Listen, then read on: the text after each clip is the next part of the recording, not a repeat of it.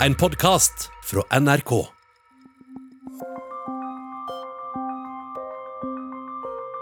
This land was made for you and me. We will honor the American people with the truth and nothing else.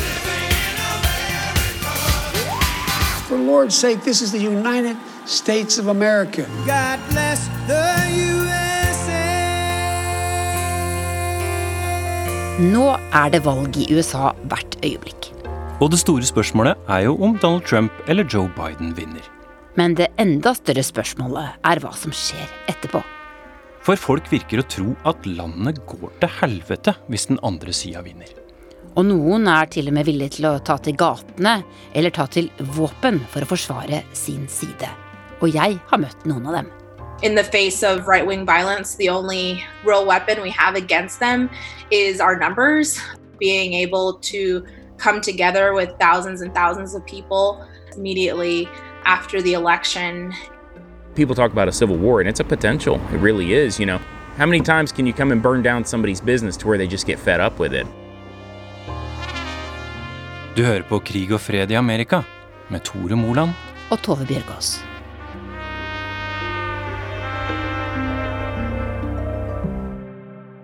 The state of our union has never been stronger. The state of our union is strong. The state of our union is stronger than ever before. The state of the union is strong, pleier de amerikanske presidentene å si når de skal oppsummere rikets tilstand. Men er den det akkurat nå, Tove? Det virker jo ikke sånn. Det ene er at eh, amerikanerne er så splitta at de ikke engang er enige om hvordan valget skal gjennomføres. Men det andre er jo også at de er uenige om hvordan de skal tolke valgresultatet, og, og hva slags samfunn omtrent halvparten av landet deres ønsker seg. Det er rett og slett helt uenige om veien videre. Nå har du reist rundt i en måned med krig og fred i Amerika. Hva slags inntrykk sitter du igjen med? Det er jo ganske dystert. Jeg har møtt folk i åtte-ni forskjellige delstater og snakka med dem om alt fra eh, religion til økonomi, til pandemi, til deres syn på demokratiet, og også hvordan valget skal gjennomføres. Og så avslutta du turen din med å møte en veldig hyggelig fyr som har våpen på lur hvis valgresultatet ikke går som han vil. Ja. Alan, han er kanskje i midten av 40-årene. Han bor i en liten sånn ferieby som heter Myrtle Beach i Sør-Carolina. Eh, jobber på jernbanen. Fyller konteinere, tømmer konteinere. Veldig hyggelig fyr. So, yeah. Men veldig bekymra både for gjennomføringen av valget og hva som kommer til å skje etterpå. Han er da svoren Trump-tilhenger. We are in Myrtle Beach, South Carolina. Uh, I'm Alan Flores, uh, one of two guys that started Myrtle Beach Bikers for Trump. Um, we saw what was going on a few years ago, and uh, we just wanted to organize a little bit. You know, we, we just needed kind of to uh, send people in a direction, is about all it was. Alan er krigsveteran fra Irak og motorsykkelentusiast. For fire år siden brukte han sykkelen til å drive valgkamp for Donald Trump. Trump var den første politikeren som ga ham lyst til å gjøre en frivillig innsats. So, uh, you know, four years ago, the energy was was very high, in a positive way, I think. You know, and and uh, and right now, it's it's changed to uh, a lot of energy to to prevent something else, you know, from happening. Is, is kind of the direction it feels like. You know. Let's go back to 2016 first. What did it feel like on that election night when, when, Trump won? I needed a drink, let me tell you, because they were stressing me out. Um, you know, it was, uh, you know, oh, well, you know, which way is Michigan going to go? Which way is this going to go? Which way is Florida going to go? And, uh, and when those things started happening, you, you kind of get that feeling like, holy crap, this is really happening. This, this, you know, we, did, did we make a difference? I don't know, but, but this is happening. And, uh, you know, the, extremely exciting but but stressful we we had a, a personal interest in it at that point which uh, we we never did before it felt like we had made a difference How do you feel about this election coming up? uh, it depends on a couple of things this uh, this mail-in voting ballots is a problem.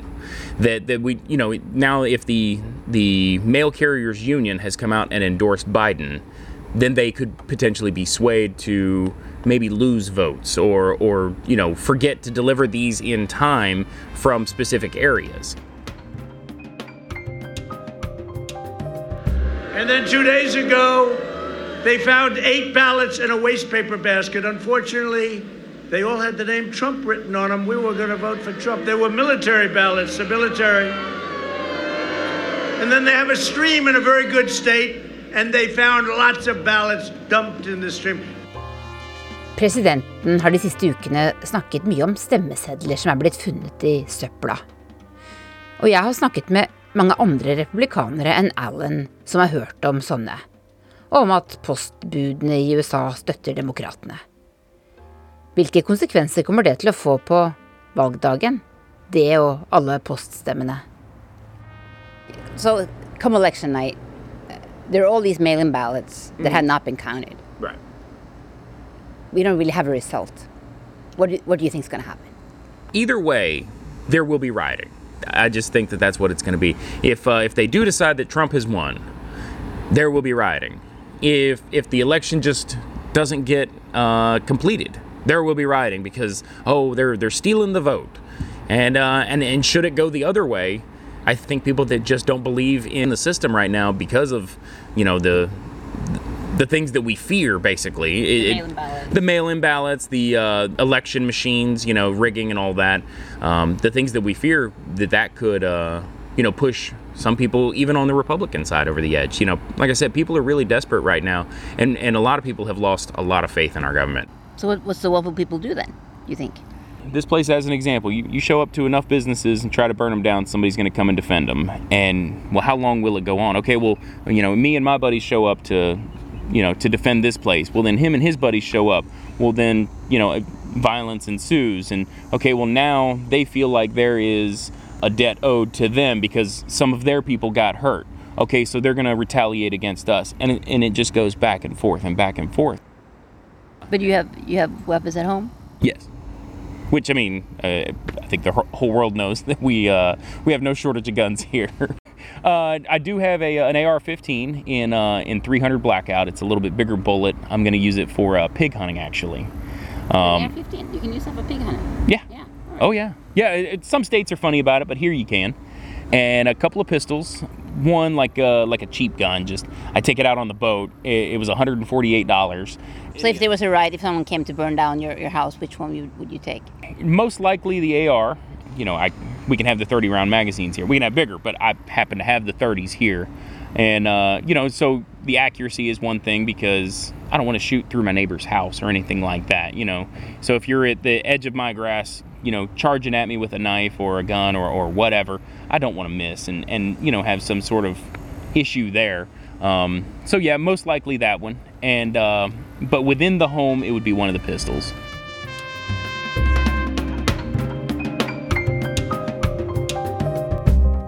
Du Tore, Alan han har altså tenkt gjennom hva han har å forsvare seg med etter valget. Han er da villig til å bruke våpen for å forsvare seg mot det han kaller mobben på venstresida. Men hvem er egentlig mobben på venstresida? Ja, hvem er egentlig det? Donald Trump har snakket mye om, om folk som tenner på butikker og ødelegger, knuser vinduer, om Antifa og om pøbler eh, i gatene i mange storbyer, som vi har sett også eh, når disse demonstrasjonene, annet til Black Lives Matter, har utartet. Men sånn som jeg opplevde det på min tur, så er det en ganske sammensatt gjeng, de som er på venstresida. Det er jo eh, mer sånne militante grupper, men det er jo også faktisk ganske mange av de som støttet Bernie Sanders i valgkampen. Unge folk som kaller seg demokratiske sosialister, og som nå er villige til å starte en stormobilisering i gatene dersom det ikke er klart på valgnatta hvem som har vunnet. I'm super afraid of what might happen, not even only for myself, but for my family. But we can't just like let it um, paralyze us. We can't let fear um, get in the way of, of doing the things that need to be done. Uh, my name is Christian Hernandez. I am 31 years old and I live in Dallas, Texas. Um, I work for a construction company as an administrator, um, and I am on the National Political Committee of the Democratic Socialists of America, um, uh, where I spend a lot of my time um, working to build a better world and to uh, fight for demands that would uh, materially help the working class. Christian Hernandez hun har bestemt seg litt motvillig for å stemme på Joe Biden, men hun stoler ikke på at demokratene klarer å stå opp for interessene sine dersom eh, valgresultatet er uklart eh, på valgnatta. There is a real possibility that we will not have a peaceful transfer of power in November. You know, I, I think we're we're getting prepared for that possibility, having to prepare for the worst case scenario, where we're having to contend with someone not wanting to leave office and being willing to activate um, a really destructive and violent base. How are you preparing for that yourself? I mean, for me myself, uh, you know, connecting to local campaigns here in the area so that we have a network of both support and uh, vigilance to make sure that um, you know we're being aware if there's any voter intimidation or um, any sort of harassment at the polls, and so making sure that people can vote and can vote safely is the, is the high priority for us, as well as getting prepared to mobilize in the streets and doing that in in masses. In the face of, of right wing violence, the only uh, real weapon we have against them is our numbers. So being able to come together with thousands and thousands of people uh, locally in order to, um, you know, say that this is unacceptable is going to be of the utmost importance immediately after the election. Um, because I think the worst thing that we can do come November 3rd, if there is not a peaceful transfer of power, is to sort of just let things happen. So are you ready to sort of hit the streets right away if Trump's in the lead on election day and a lot of votes are not counted? Yeah, absolutely. And uh, you know, we're I'm helping with the efforts to make sure that um, all of our chapters across the country are able to do the same. You know, I, I think people are, are starting to see the power behind mass mobilizations and mass action. And I think that's something that the people in power are going to have to contend with come November 3rd. A lot of people are armed in Texas. Are you are you even do you even have weapons or I don't. are people people within your circles are they arming Uh, up now or I, I mean, I imagine they are. Um, I know people who who were armed even before um, any of this happened, just by the nature of living in Texas. But just I just want to clarify. So you're saying you're talking to people all over the country, and and everyone's like people are really preparing to sort of go out in the streets if it's if necessary. Yeah, we can't wait for um, you know the Democrats to sort of intervene because I don't know that they will.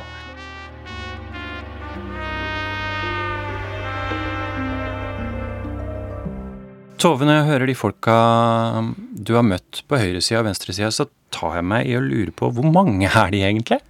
Det tror jeg ikke vi vet. Men vi vet jo også at det finnes militsgrupper og mer organiserte, bevæpnede grupper, som vi har hørt en del om den siste tida. if they're called on to to stop chaos and to oppose force with force, you know, there's a there's a lot of a significant amount of the population I think that would respond to that. In my opinion, there's millions of Americans that would, you know, just like it always has been in this nation. I mean, we've never had since the Civil War in the 1800s a situation like we're facing today where it's more of a domestic issue. But when it comes to fighting communism and, and socialist ideology, American men have always stepped up to the plate. Nathan Deschenmacher han er en bonde eh, i Montana, men han er også framtredende medlem av eh, den eh, høyreradikale John Burt Society. Og han er veldig opptatt av militsene og mener at militser bør kunne være et, uh, viktig, en viktig del av uh, så å si den samfunnssikkerheten i USA. Du vet kanskje ikke hva du heter snart? eh, Jo, men hva dere pleier å bruke. Ok. Uh, Jeg heter Anders Magnus, og jeg er korrespondent i USA og i resten av Amerika. Hvor er du nå, Anders? Nå er jeg i Washington DC, hovedstaden. Men du har reist mye rundt de siste ukene, du også? Ja, jeg har reist uh, fire ganger uh, over kontinentet her nå. Så jeg har uh, fått dekket en god del delstater her, ja. Men hvem er disse gruppene, og hvor farlige er de, de som kan tenkes å ta til våpen hvis valget da ikke går sånn som de vil? Altså, de, jo, de fleste gruppene er jo små, eh, men det er klart at det er eh, også enkeltpersoner kan jo gjøre veldig stor skade.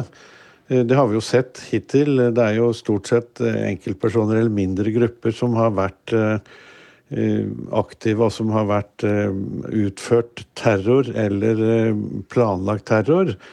Og de fleste av disse gruppene og enkeltpersonene er jo folk som tilhører den ekstreme høyresiden. Det som kanskje er det mest eh, alvorlige, er jo at en del av disse eh, høyreekstreme gruppene, de organiserer jo eh, politifolk og folk i Forsvaret som er i aktiv tjeneste. Eh, så, og som samtidig da er med i et eh, i type nettverk som, som vi kan kalle militser. Du har vært i Montana, Anders, og møtt noen som kaller seg Oatkeepers. Hvem er det?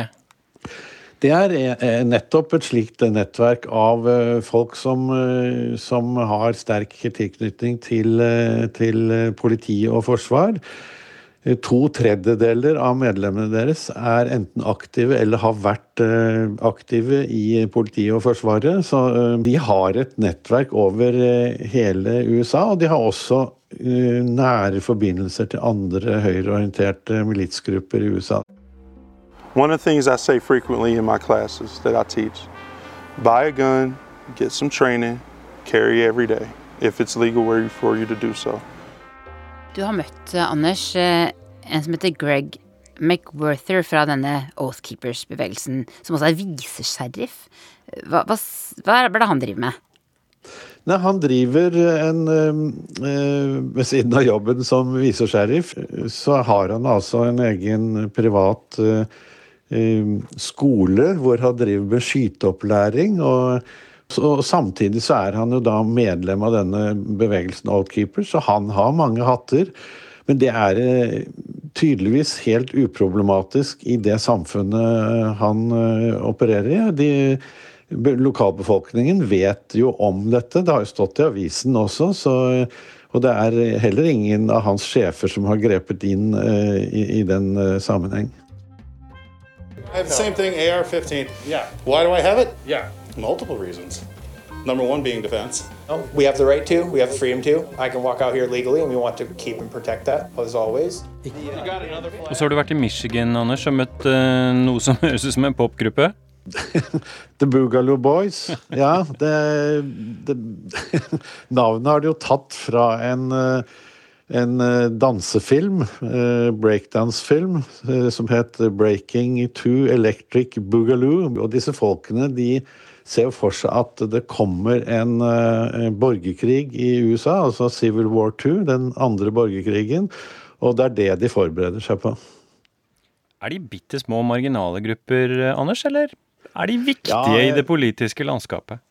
De, de synes, og de eh, har jo vært med på noen av dem, eh, å planlegge å kidnappe eh, guvernøren i både Michigan og Virginia. Og der planla de også å skyte politifolk og politikere for på den måten å sette i gang et slags kupp i delstatsregjeringen.